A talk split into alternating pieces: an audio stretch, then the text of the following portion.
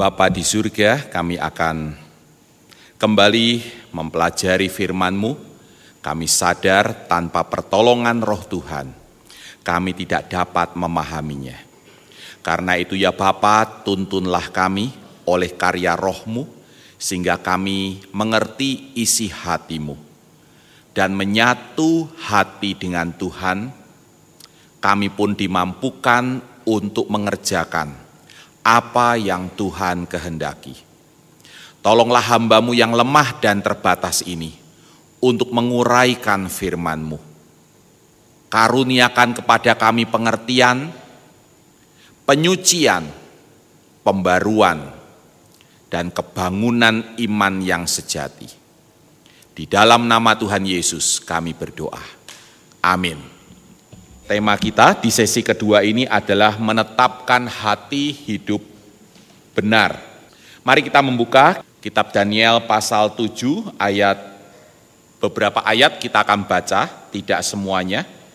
Daniel pasal 7 kita akan baca ayat 21 sampai 22, lalu ayat 25 sampai 28.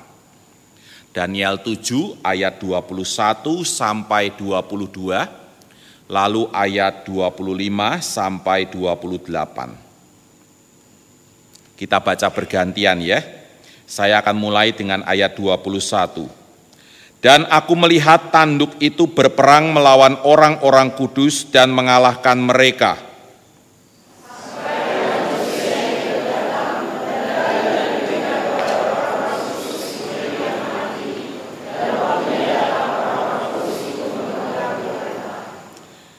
Kita maju ke ayat 25 ia akan mengucapkan perkataan yang menentang yang maha tinggi dan akan menganiaya orang-orang kudus milik yang maha tinggi. Ia berusaha untuk mengubah waktu dan hukum dan mereka akan diserahkan ke dalam tangannya selama satu masa dan dua masa dan setengah masa.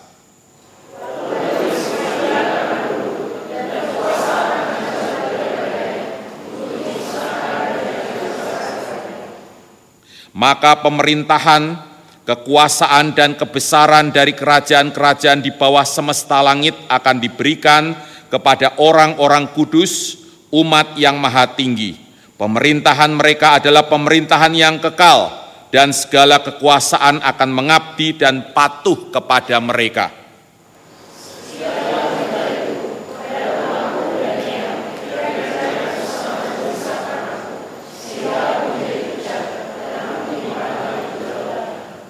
Sekarang kita masuk ke pasal 8. Pasal 8 ayat 23 sampai 27.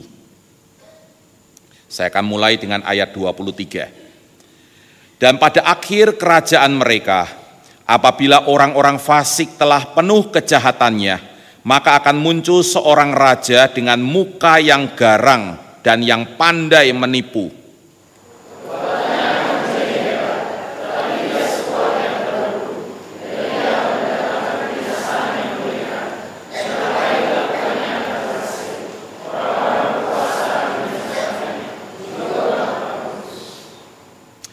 Dan oleh karena akalnya, penipuan yang dilakukannya akan berhasil. Ia akan membesarkan dirinya dalam hatinya dan dengan tak disangka-sangka banyak orang akan dibinasakannya. Juga ia akan bangkit melawan raja segala raja. Tetapi tanpa perbuatan tangan manusia ia akan dihancurkan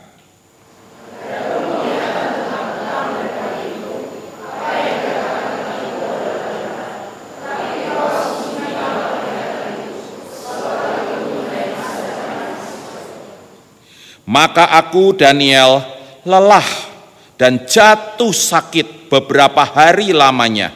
Kemudian bangunlah aku dan melakukan pula urusan raja. Dan aku tercengang-cengang tentang penglihatan itu, tetapi tidak memahaminya. Demikian firman Tuhan, bukan ayat-ayat yang akrab mungkin bagi sebagian kita, tapi ini ayat-ayat yang sangat penting terkait dengan tema kita hari ini, menetapkan hati hidup benar. Kita akan belajar kali ini dari tokoh Daniel. Saya akan bicara pertama-tama tentang mahkota dan salib, kaitan di antara keduanya. Charles Haddon Spurgeon pernah berkata, There are no crown wearers in heaven who were not cross bearers here below. Tidak ada pemakai mahkota di surga yang dulunya bukan pemikul salib di dunia ini atau semasa hidupnya di dunia ini. Orang yang pakai mahkota di surga adalah orang yang semasa hidupnya di dunia memikul salib. Perkataan ini sangat keras, tapi 100% Alkitabiah. Sesuai sabda Tuhan, setiap orang yang mau mengikut aku, ia harus menyangkal dirinya, memikul salibnya setiap hari dan mengikut aku. Kata harus mendapat penekanan di sana. Tidak ada pengecualian.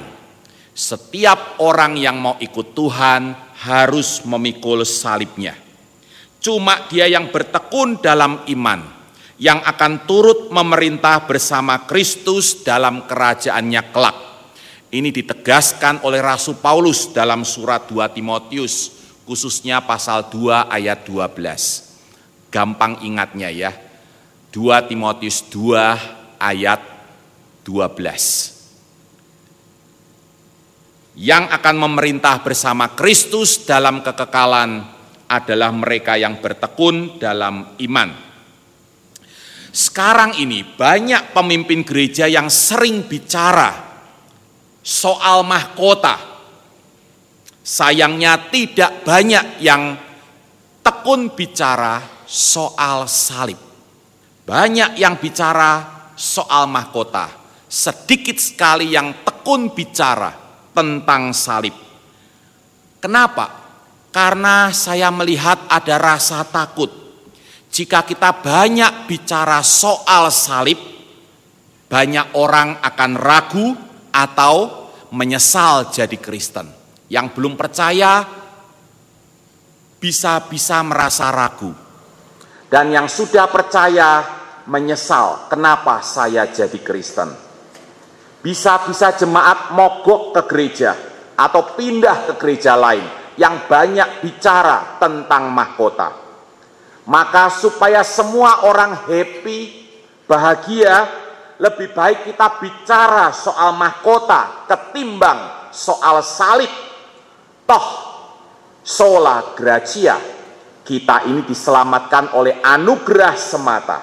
Tanpa pikul salib pun kita bakalan dapat mahkota. Demikian saya melihat kecenderungan gereja-gereja masa kini. Dan gereja seperti ini makin banyak jumlahnya. Padahal kita tahu, alumni perkantas harus tahu ini, anugerah Allah tidak murah, apalagi murahan. Sebaliknya anugerah Allah itu sangat mahal. Harganya adalah nyawa putra tunggal Allah. Dan tuntutannya sebanding dengan itu adalah penyerahan diri penuh dari manusia. Dietrich Bonhoeffer berkata, when Christ calls a man, he bids him to come and die. Dengan kata lain, kekristenan notabene adalah anugerah yang menyingkirkan keakuan. Bonhoeffer berkata, ketika Kristus memanggil seorang manusia, dia memerintahkannya untuk datang dan mati. Keakuan hilang Kekristenan adalah anugerah yang menyingkirkan keakuan. Keselamatan yang dari Tuhan adalah keselamatan yang mesti bersambut pengabdian kepadanya. Selain itu, hanyalah rekayasa iblis. Ya. Nah, memang kalau kita bicara soal mahkota, ini bisa bikin orang bahagia. Siapa yang tidak suka akan mahkota? Siapa yang tidak suka akan kenyamanan dan kemapanan, penghargaan dan penghormatan. Tapi mahkota tanpa salib bukanlah mahkota yang dijanjikan Tuhan. Itu tipu daya iblis penyesat manusia. Dan itu banyak kita dengar saat ini di banyak gereja. Pokoknya percaya Tuhan, rajin berdoa, maka kamu pasti diberkati. Tidak ada tuntutan, tidak ada tantangan, tidak ada dorongan untuk hidup lebih dan makin suci. Johannes Eckhart dia berkata, jika kita mencari Allah untuk kebaikan dan keuntungan kita, sebetulnya kita tidak sedang mencari Allah. Sebetulnya kita masih menyembah berhala dan berhala yang paling sejati kata Luther adalah aku. Semua patung, harta benda yang kita andalkan itu hanya alat untuk memuaskan keakuan. Jadi berhala itu sejatinya adalah keakuan. Maka kalau kita mencari Tuhan demi keuntungan dan kenyamanan, maka kita adalah penyembah berhala. Kita menuhankan diri kita sekaligus mengacungkan Allah. Tuhan ikut saya, bukan saya ikut Tuhan. Karena itu, teman-teman, malam ini saya mengajak kita, mari kita bicara soal salib. Karena itu juga yang dibicarakan oleh Tuhan Yesus. Setiap orang yang mau mengikut aku, ia harus menyangkal dirinya, memikul salibnya setiap hari, dan mengikut aku. Lebih baik kita bicara pahitnya jadi Kristen. Salib, supaya nanti tinggal manisnya yang kita terima, mahkota. Ketimbang bicara cuma manisnya, mahkota tanpa salib, nanti pahitnya, neraka yang kita tuai karena mahkota tanpa salib tidak pernah dijanjikan Tuhan. Ya. Mereka yang bicara soal mahkota tanpa salib adalah para penyesat iman zaman now. Ini penyesat iman sejati. Bicara tentang mahkota tanpa salib. Kita akan melihat di dalam Daniel pasal 7 dan 8 tadi, Allah menyingkapkan puncak-puncak sejarah kedurhakaan. Kita akan melihat bersama hal itu malam ini. Teman-teman, ternyata bukan cuma rezim Babel, yaitu Nebukadnezar dan Belsyasar, yang digelisahkan mimpi atau penglihatan dari Tuhan. Ada tiga orang yang dapat mimpi. Nebukadnezar, Belsyasar, dan satu lagi adalah hamba Tuhan yang setia, yaitu Daniel. Daniel juga merasa gelisah. Daniel 7 sampai 8 merekam pergulatan batin Daniel kala Tuhan menyingkapkan masa depan dunia ini. Jalannya sejarah dari kerajaan Babilonia sampai kerajaan Allah itu bentangan sejarah yang digambarkan dalam penglihatan-penglihatan yang mereka terima.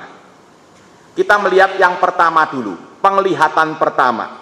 Daniel melihat empat binatang di sana.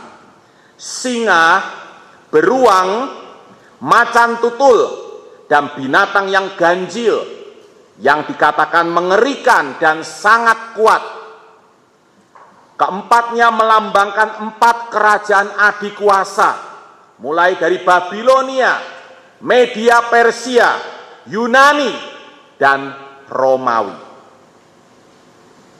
Penglihatan ini teman-teman sejajar dengan mimpi Nebukadnezar tentang patung raksasa di pasal 2. Nanti bisa lihat Daniel pasal 2. Kepala dari emas lambang Babilonia. Dada dan lengan dari perak, media Persia, perut dan pinggang dari tembaga, Yunani, paha dan kaki dari besi dan tanah liat, Romawi. Ini binatang yang ganjil tadi, yang sangat menakutkan dan sangat kuat. Itu penglihatan pertama. Penglihatan kedua, dan ia melihat dua binatang, domba jantan dan kambing jantan. Lambang media Persia dan Yunani yang secara berturut-turut akan segera mengakhiri kejayaan Babilonia di kancah bangsa-bangsa membawa sejarah dunia ini ke tahap-tahap selanjutnya sesuai skenario ilahi. Ini penglihatan kedua. Ada dua penglihatan yang mereka terima. Menerima kedua penglihatan itu, Daniel semestinya senang. Bagaimana tidak? Kedua penglihatan itu melukiskan bahwa jalannya sejarah bentangan zaman ini ada di tangan Tuhan. Di balik hiruk pikuk dunia, perang bangsa-bangsa yang satu jaya, yang lain ditindas, gantian, muncul lagi yang baru jaya, yang lama ditindas, jatuh bangun bangsa-bangsa, Allah sedang membawa sejarah kemuarannya, yaitu tegaknya kerajaan Allah. Itu inti dari kedua penglihatan ini. Maka mestinya Daniel senang, betul enggak? Sejarah dunia ada di tangan Tuhan. Dan muaranya adalah tegaknya kerajaan Allah. Tuhan pasti menang. Mestinya Daniel senang. Kita bisa lihat itu di beberapa bagian. Pertama pasal 7 ayat 22. Sampai yang lanjut usianya itu datang, lukisan tentang Tuhan, ya. Dan keadilan diberikan kepada orang-orang kudus milik yang maha tinggi. Dan waktunya datang orang-orang kudus itu memegang pemerintahan. Orang-orang kudus ini akan memerintah dunia ini ayat 27, maka pemerintahan, kekuasaan, dan kebesaran dari kerajaan-kerajaan di bawah semesta langit akan diberikan kepada orang-orang kudus, umat yang maha tinggi. Pemerintahan mereka adalah pemerintahan yang kekal, dan segala kekuasaan akan mengabdi dan patuh kepada mereka. Jadi nanti bukan cuma ada satu Bang Joni, akan ada banyak orang kudus yang memerintah dunia ini. Begitupun pasal 8 ayat 25 akhir. Tetapi tanpa perbuatan tangan manusia, ia yaitu penguasa lalim akan dihancurkan apa pun yang terjadi. Yang menang nanti Tuhan. Itu kan intinya. Tanpa perbuatan tangan manusia penguasa lalim akan dihancurkan. Singkatnya, teman-teman, kedua penglihatan ini menegaskan bahwa keadilan niscaya akan ditegakkan. Semua penguasa lalim akan dibinasakan. Orang-orang kudus akan memerintah selamanya. Dalam kedua penglihatan itu, Allah bicara soal mahkota. Benar-benar akhir yang manis yang akan terjadi. Mahkota. Maka yang menjadi pertanyaan, alih-alih senang, mengapa Daniel justru gelisah dan susah dengan dua penglihatan itu? Maka aku Daniel terharu, tepatnya susah hati. Et kerit, ruah, ruah itu bicara spirit, roh batin, et kerit dari kata karat. Itu artinya hatinya susah. Tertekan. Susah karena hal itu.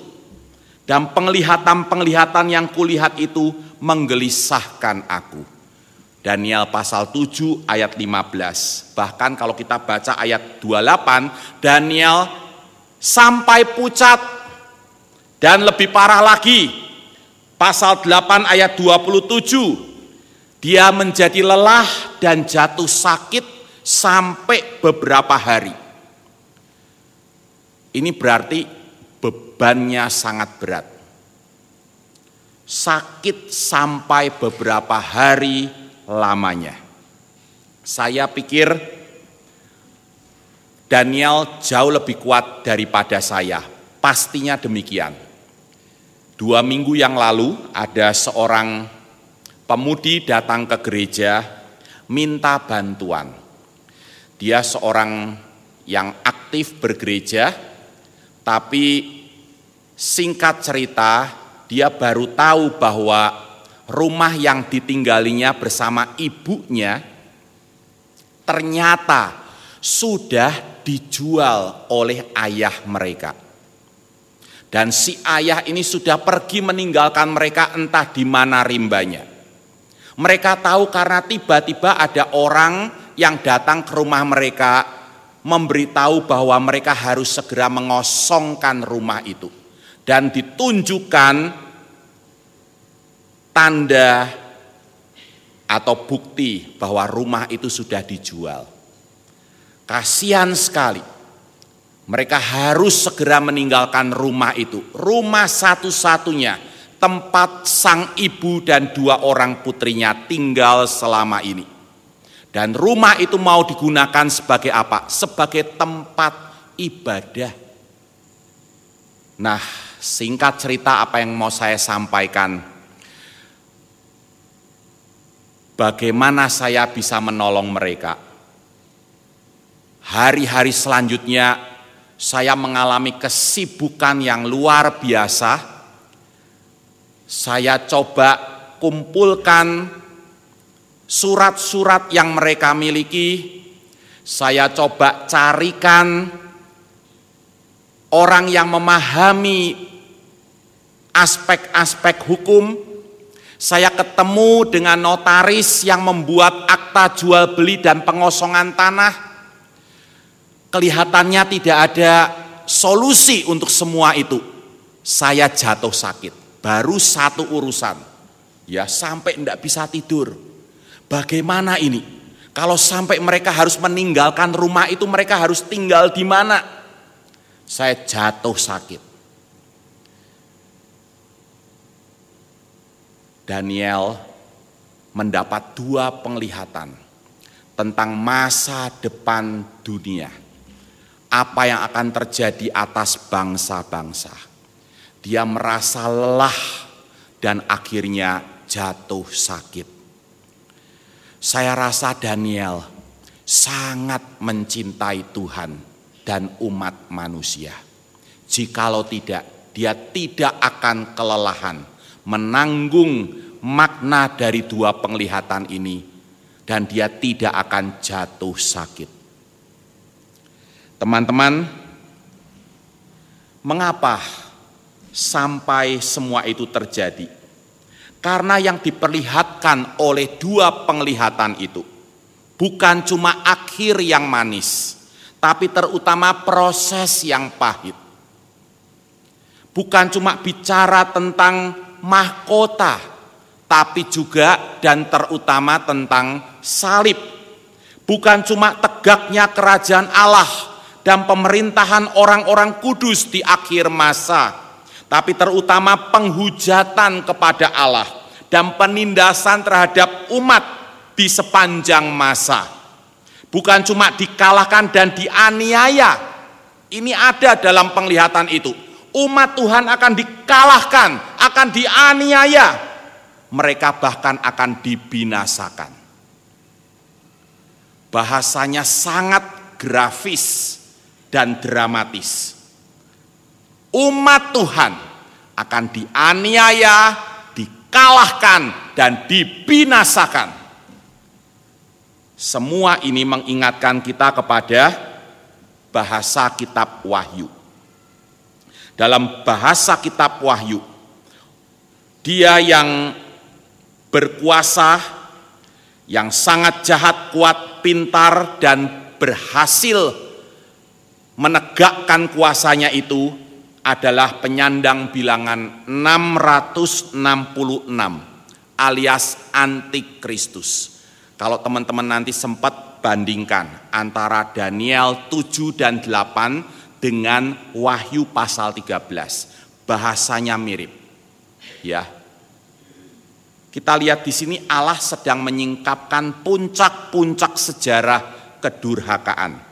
Masing-masing puncak sejarah itu ditandai munculnya pemimpin yang sangat jahat, sangat kuat, sangat pintar, dan yang ngeri berhasil. Berhasil. Ya. Kalau dalam Wahyu 13 itu gereja ditawan dianiaya dan dibunuh. Yang ditawan hendaklah ditawan. Yang harus ditebas oleh pedang, biarlah ditebas oleh pedang. Ngeri sekali, ya. Maka tidak heran jika Daniel gelisah, susah, pucat, bahkan lelah dan jatuh sakit gara-gara kedua penglihatan itu. Ngeri sekali. Waktu saya kecil, banyak orang berkata kepada saya, "Rick, yang baik pasti menang, yang jahat pasti kalah." Tapi realitas yang ada di sekitar kita mengajarkan tidak selalu demikian. Yang baik ternyata bisa kalah. Saya bicara tentang realitas ya, ukuran dunia. Yang jahat bisa menang. Kita belajar banyak hari ini. Salah satunya dari realitas kecelakaan yang dialami oleh Kak Santi. Coba jauh-jauh datang ke sini, seharusnya dia bersaksi sekarang ini. Jatuh dari tangga. Dan harus dirawat di rumah sakit. Siapa yang bisa menjelaskan realitas seperti itu? Kalau Pak Sagala berkata bahwa iblis ikut campur di sana, saya mengaminkan. Teman-teman baca terus Daniel sampai pasal 10. Di pasal 10 itu Daniel berdoa. Dan bagi Daniel yang namanya doa itu peperangan rohani. Ketika doa itu dipanjatkan dengan sungguh-sungguh, terjadi pertarungan antara malaikat-malaikat terang dengan malaikat-malaikat kegelapan, iblis dan para pengikutnya. Itu Daniel 10. Ya. Realitas ternyata tidak selalu yang baik pasti menang, yang jahat pasti kalah. Yang baik bisa kalah, yang jahat bisa menang. Itu fakta. Dan yang penting fakta itu cocok dengan kesaksian kitab suci. Seperti yang dialami Abram Yakdeng. Dia ini martir dari Sudan Selatan. Negara Sudan Selatan menutup diri terhadap kekristenan. Orang Kristen di sana kalau mau beribadah harus sembunyi-sembunyi. Kalau tidak mereka pasti ditangkap dipenjara, dan dianiaya. Yakdeng menggembalakan 400 orang hanya dengan satu Alkitab. Mereka tidak punya Alkitab lain. Hanya satu Alkitab dipegang oleh Yakdeng, dibacakan untuk semua umat. Maka betapa senangnya dia ketika mendapat kiriman ratusan Alkitab dari lembaga misi Kristen. Kalau pernah dengar Voice of Martyrs, kirim empat e, ratusan Alkitab kepada mereka untuk dibagikan kepada jemaat.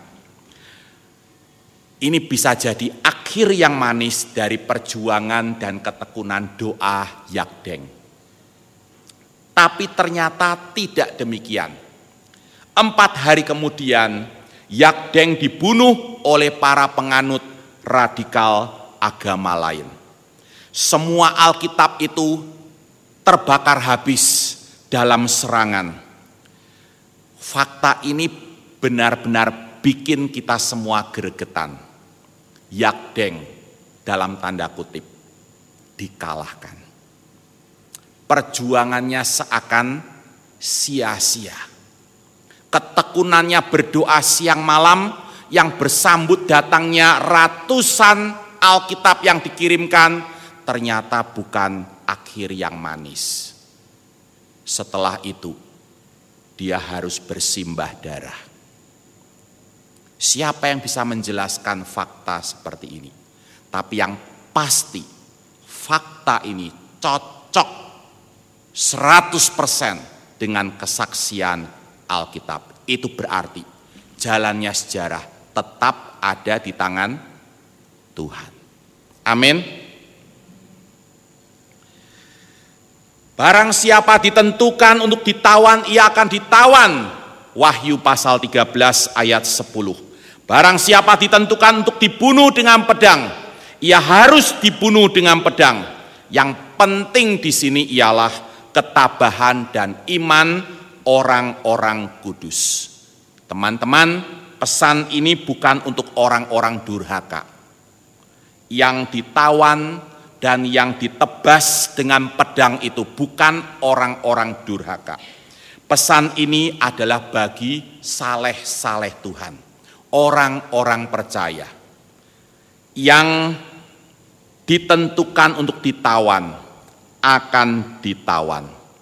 Yang ditentukan untuk dibunuh dengan pedang harus dibunuh dengan pedang. Pelajarannya,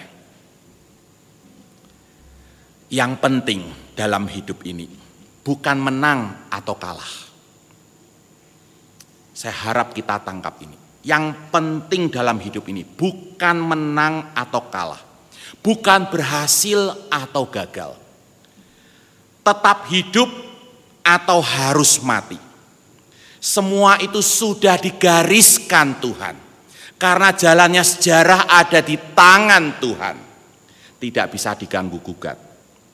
Karena itu serahkan saja kepada Tuhan. Yang penting adalah putus asa atau tabah. Itu yang penting.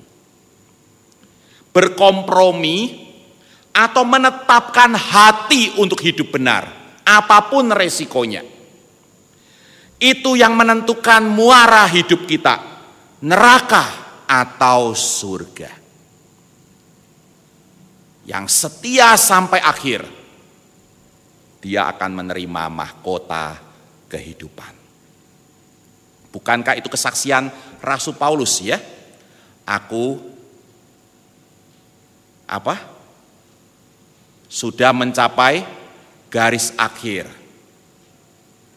Bagiku telah tersedia mahkota kehidupan, tapi bukan cuma untukku, tapi juga untuk semua orang yang menantikan kedatangannya. Ya. Kalau tadi saya bicara tentang sejati ya, singkatan apa itu? Selalu jaga hati. Saya juga singgung tadi tentang sehati dengan Tuhan. Harusnya kita jaga agar hati kita sehati dengan hati Tuhan. Tapi sehati itu pun sebuah singkatan. Mau tahu apa singkatan atau kepanjangan dari sehati? Sehati itu artinya setia hingga mati. Ya, hanya orang yang selalu jaga hati yang bisa setia hingga mati. Dan itulah kemenangan yang sesungguhnya. Mari bicara tentang salib. Di Indonesia kekristenan masih bisa bergerak dengan leluasa, kecuali di daerah-daerah tertentu. Namun pertanyaannya sampai kapan Sampai kapan kekristenan masih bisa bergerak dengan leluasa. Cepat atau lambat saya yakin gelombang aniaya akan menerjang. Pendeta-pendeta ini sekarang hidupnya terancam. Maka banyak pendeta tidak pakai pakaian pendeta sehari-hari supaya jangan dipikir pendeta. Karena hidupnya terancam di seputar hari-hari dekat dengan terjadinya bom bunuh diri di Jakarta, di Surabaya, pada saat yang sama para pendeta memberikan laporan kepada saya bahwa mereka pun diteror. Ada yang datang ke rumah memaksa masuk ke dalam rumah, macam-macam. Nyawa mereka terancam. Cepat atau lambat, gelombang aniaya akan menerjang. Teman saya, alumna dari UI, sekarang sedang ambil program S2, Esther, ada yang kenal ya? Itu baru saja memberi informasi kepada saya. Kak Erik harus kumpulkan para pengusaha di gereja, beritahu mereka bahwa kelompok-kelompok radikal agama sekarang ini sedang memengaruhi kaum karyawan untuk melakukan aksi-aksi kekerasan. Para pengusaha Kristen harus mengantisipasi itu. Mereka harus membuat kebijakan-kebijakan yang ramah terhadap para karyawan. Untuk menangkal ajaran-ajaran yang menyatakan bahwa pengusaha-pengusaha Kristen itu jahat. Lalu seorang pengusaha berkata kepada saya, tenang Pak Erik, kalau di perusahaan saya semua karyawan dapat gaji sesuai UMK. Saya menanggapinya demikian. Itu baik, Pak. Tapi apakah itu yang terbaik yang Bapak bisa berikan? Alkitab mengajarkan sabat itu untuk manusia bukan manusia untuk sabat. Sabat itu hukum tertulis. Itu untuk kebaikan manusia. UMK, upah minimum kabupaten. Itu hukum tertulis. Itu untuk kebaikan. Tapi yang jauh lebih penting adalah prinsip di baliknya. Prinsip di balik UMK adalah yang kuat mengayomi yang lemah. Itu prinsip di balik UMK.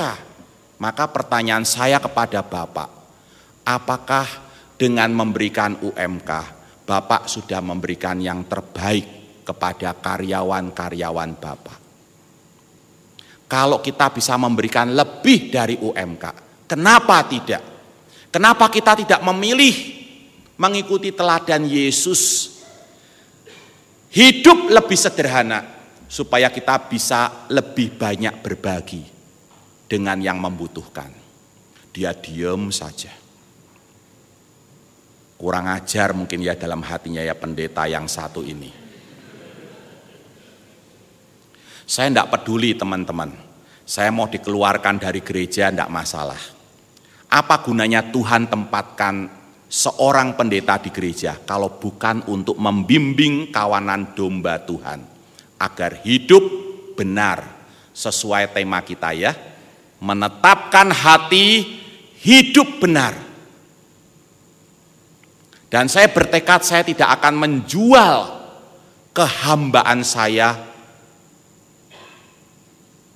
untuk apa pun juga. Ya. Gelombang aniaya cepat atau lambat akan menerjang kita. Jika membiarkan diri kita terbuai dengan keadaan sekarang, aman-aman saja kok. Kita takkan pernah siap menghadapinya. Saya rasa kini saatnya belajar beriman kepada Kristus dengan lebih serius. Mustahil kita hidup benar nanti jika kita tidak belajar untuk hidup benar sekarang. Tidak mungkin kita siap jadi martir Kristus nanti kalau kita tidak berjuang untuk jadi militan kini. Kepada anak-anak remaja, saya tanamkan, saya coba tanamkan ya, semangat militan dan injili. Saya bukan sedang membangun gerakan radikal yang baru ya, tetapi anak-anak remaja ini harus memiliki nilai-nilai yang mereka pegang seumur hidup mereka. Harus militan dan harus injili. Yang namanya militan adalah memegang teguh iman, apa pun resikonya. Dan injili berani bersaksi, berani memberitakan Injil. Saya rasa alumni perkantas tidak asing dengan istilah MHB. Betul enggak? Apa itu MHB? Memulai hidup baru. Kalau tidak tahu kebangetan, ya. Itu bahan KTB semasa kita mahasiswa. Dan belum pernah berubah ya. Masih dipakai sampai sekarang ya. MHB. Cuma yang bikin saya prihatin, saya pergi ke berbagai daerah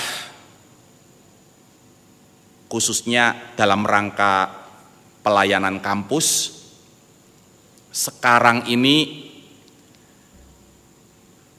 kebanyakan KTB tidak selesai MHB. Betul enggak? Kebanyakan KTB tidak menyelesaikan MHB. Jadi kalau sudah selesai MHB itu rasanya puji Tuhan, Ya. Waktu saya pergi ke Sumatera, ndak usah sebut perkantas yang mana ya. Tapi ada seorang staf yang sharing empat mata. Dia menyampaikan, saya sebetulnya merasa malu Bang Erik. Karena saya sendiri tidak selesai MHB. Tapi saya harus memimpin lokakarya tentang pentingnya KTB. Dan kurikulumnya ini, kurikulumnya kan lebih dari MHB kan? Tapi dia sendiri tidak selesai MHB. Pemimpin KTB-nya sudah keburu lulus. Ya, jalannya KTB tersendat-sendat. Apakah itu berarti banyak yang lulus kuliah tapi karena tidak lulus MHB patut dipertanyakan sudahkah memulai hidup baru dan saya sungguh prihatin akan hal ini saya pikir perkantas harus memikirkan secara serius tentang hal ini. Alumni perkantas harus memikirkan secara serius bagaimana menanggapi kenyataan ini. MHB tidak selesai. Yang penting kan cinta Tuhan Pak Erik. Ya saya tahu yang penting cinta Tuhan, tapi kecintaan itu lahir dari kedalaman. Kedalaman pengenalan dan pengalaman akan Tuhan tidak bisa direkayasa. Dan itulah arti dari kurikulum pemuritan. Supaya tercipta pengenalan dan pengalaman yang dalam dan kaya akan dan bersama Tuhan. Oke, tapi itu mahasiswa. Kita semua sudah alumni. Sebagai alumni perkantas, kita bukan lagi memulai hidup baru. Amin. Apakah ada di sini yang belum selesai MHB?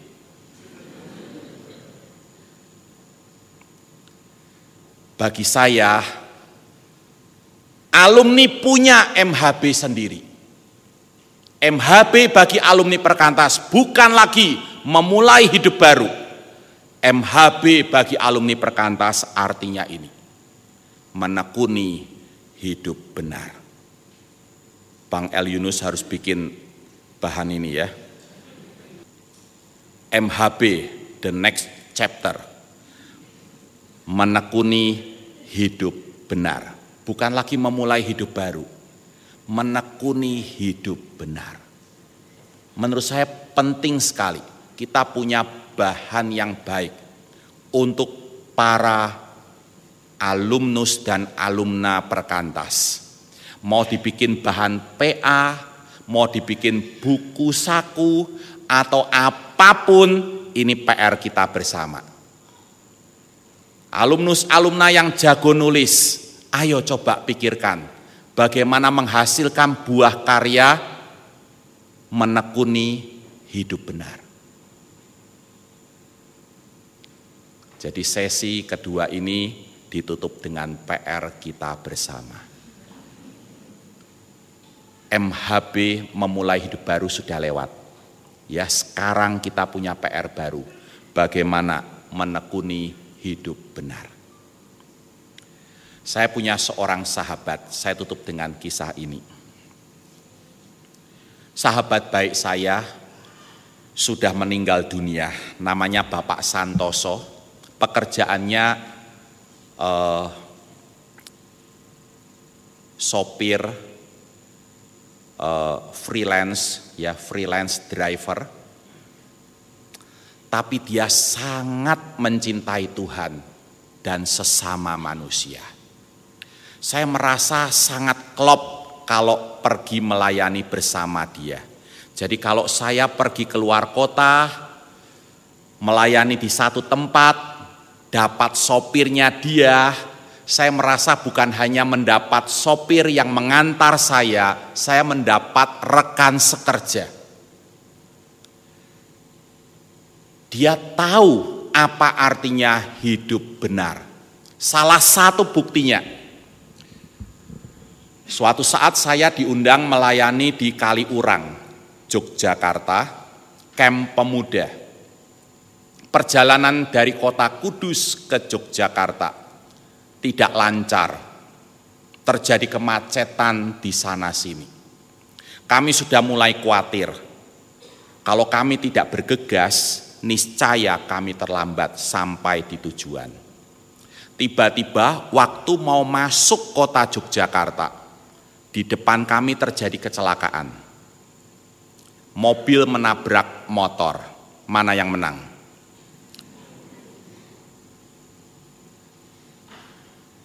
yang menang yang naik mobil. Mobilnya tetap kan rusak ya. Yang menang yang naik mobil, yang naik motor terpelanting, seorang perempuan. Kami bisa saja lewat karena kami ada di sisi kanan, kecelakaan di sisi kiri. Kami bisa lewat itu. Waktu itu saya ingat sekali, Pak Santoso menoleh ke saya. Dia tidak berkata apa-apa dia cuma menoleh saja. Mungkin menunggu tanggapan saya. Melihat dia demikian saya langsung berkata, berhenti pak, berhenti. Kami berhenti, kami tolong sang korban, dan kami pastikan dia sudah aman, baru kami lanjutkan perjalanan.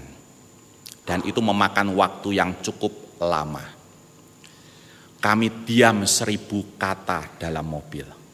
Sampai akhirnya Pak Santoso mulai berbicara, memecah keheningan. Dia berkata, Pak Erik, saya senang tadi kita berhenti. Mengapa Pak? Saya senang kita memilih lebih baik terlambat sampai tujuan ketimbang membiarkan sang korban kesakitan. Pak Erik dia bilang, dan saya tidak pernah lupa kalimat ini. mana yang lebih benar? Tidak terlambat sampai ke tujuan dan Pak Erik khotbah pada waktunya atau kita menolong perempuan itu.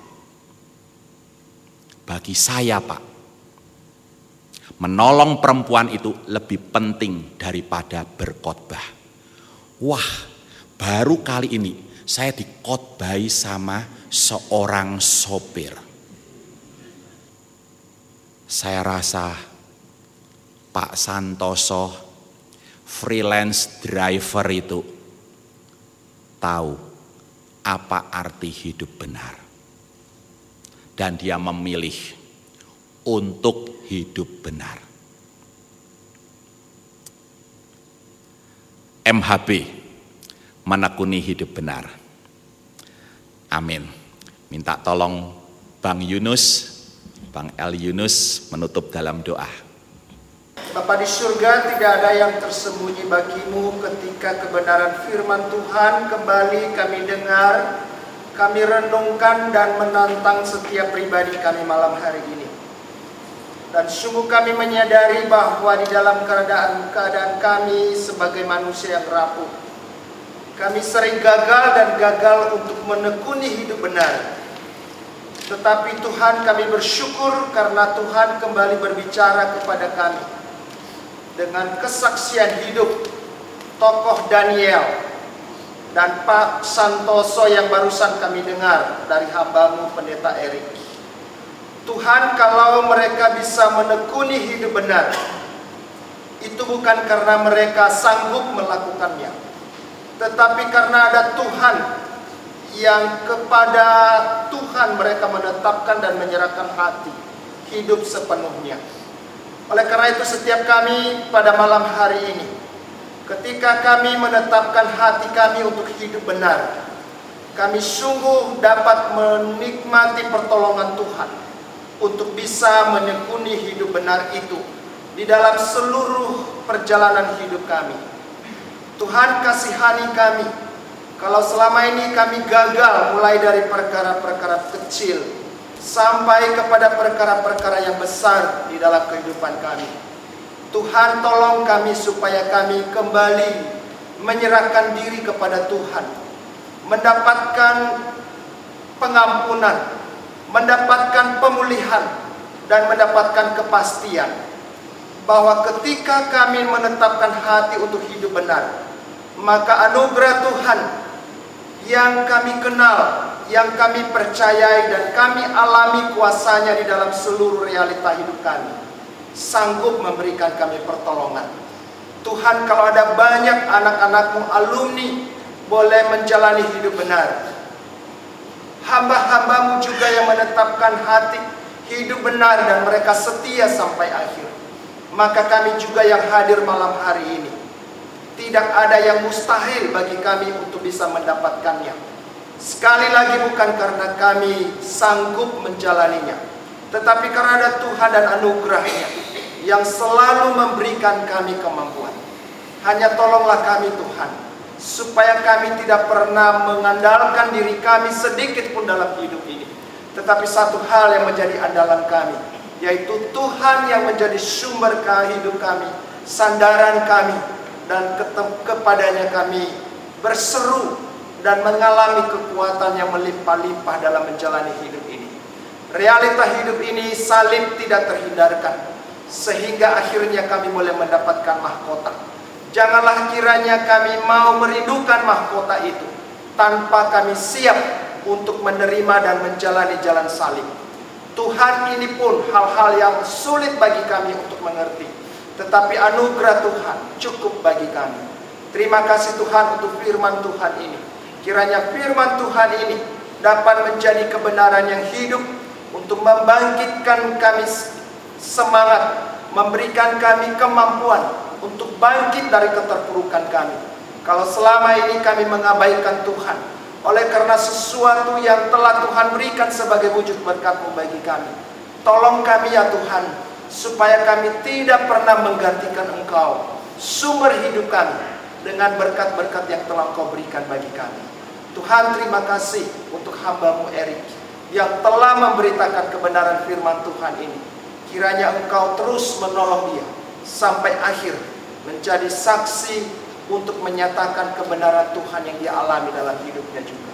Terpujilah namamu ya Bapa. Di dalam nama Tuhan Yesus Kristus kami berdoa dan terus menyerahkan diri kepada Tuhan. Amin.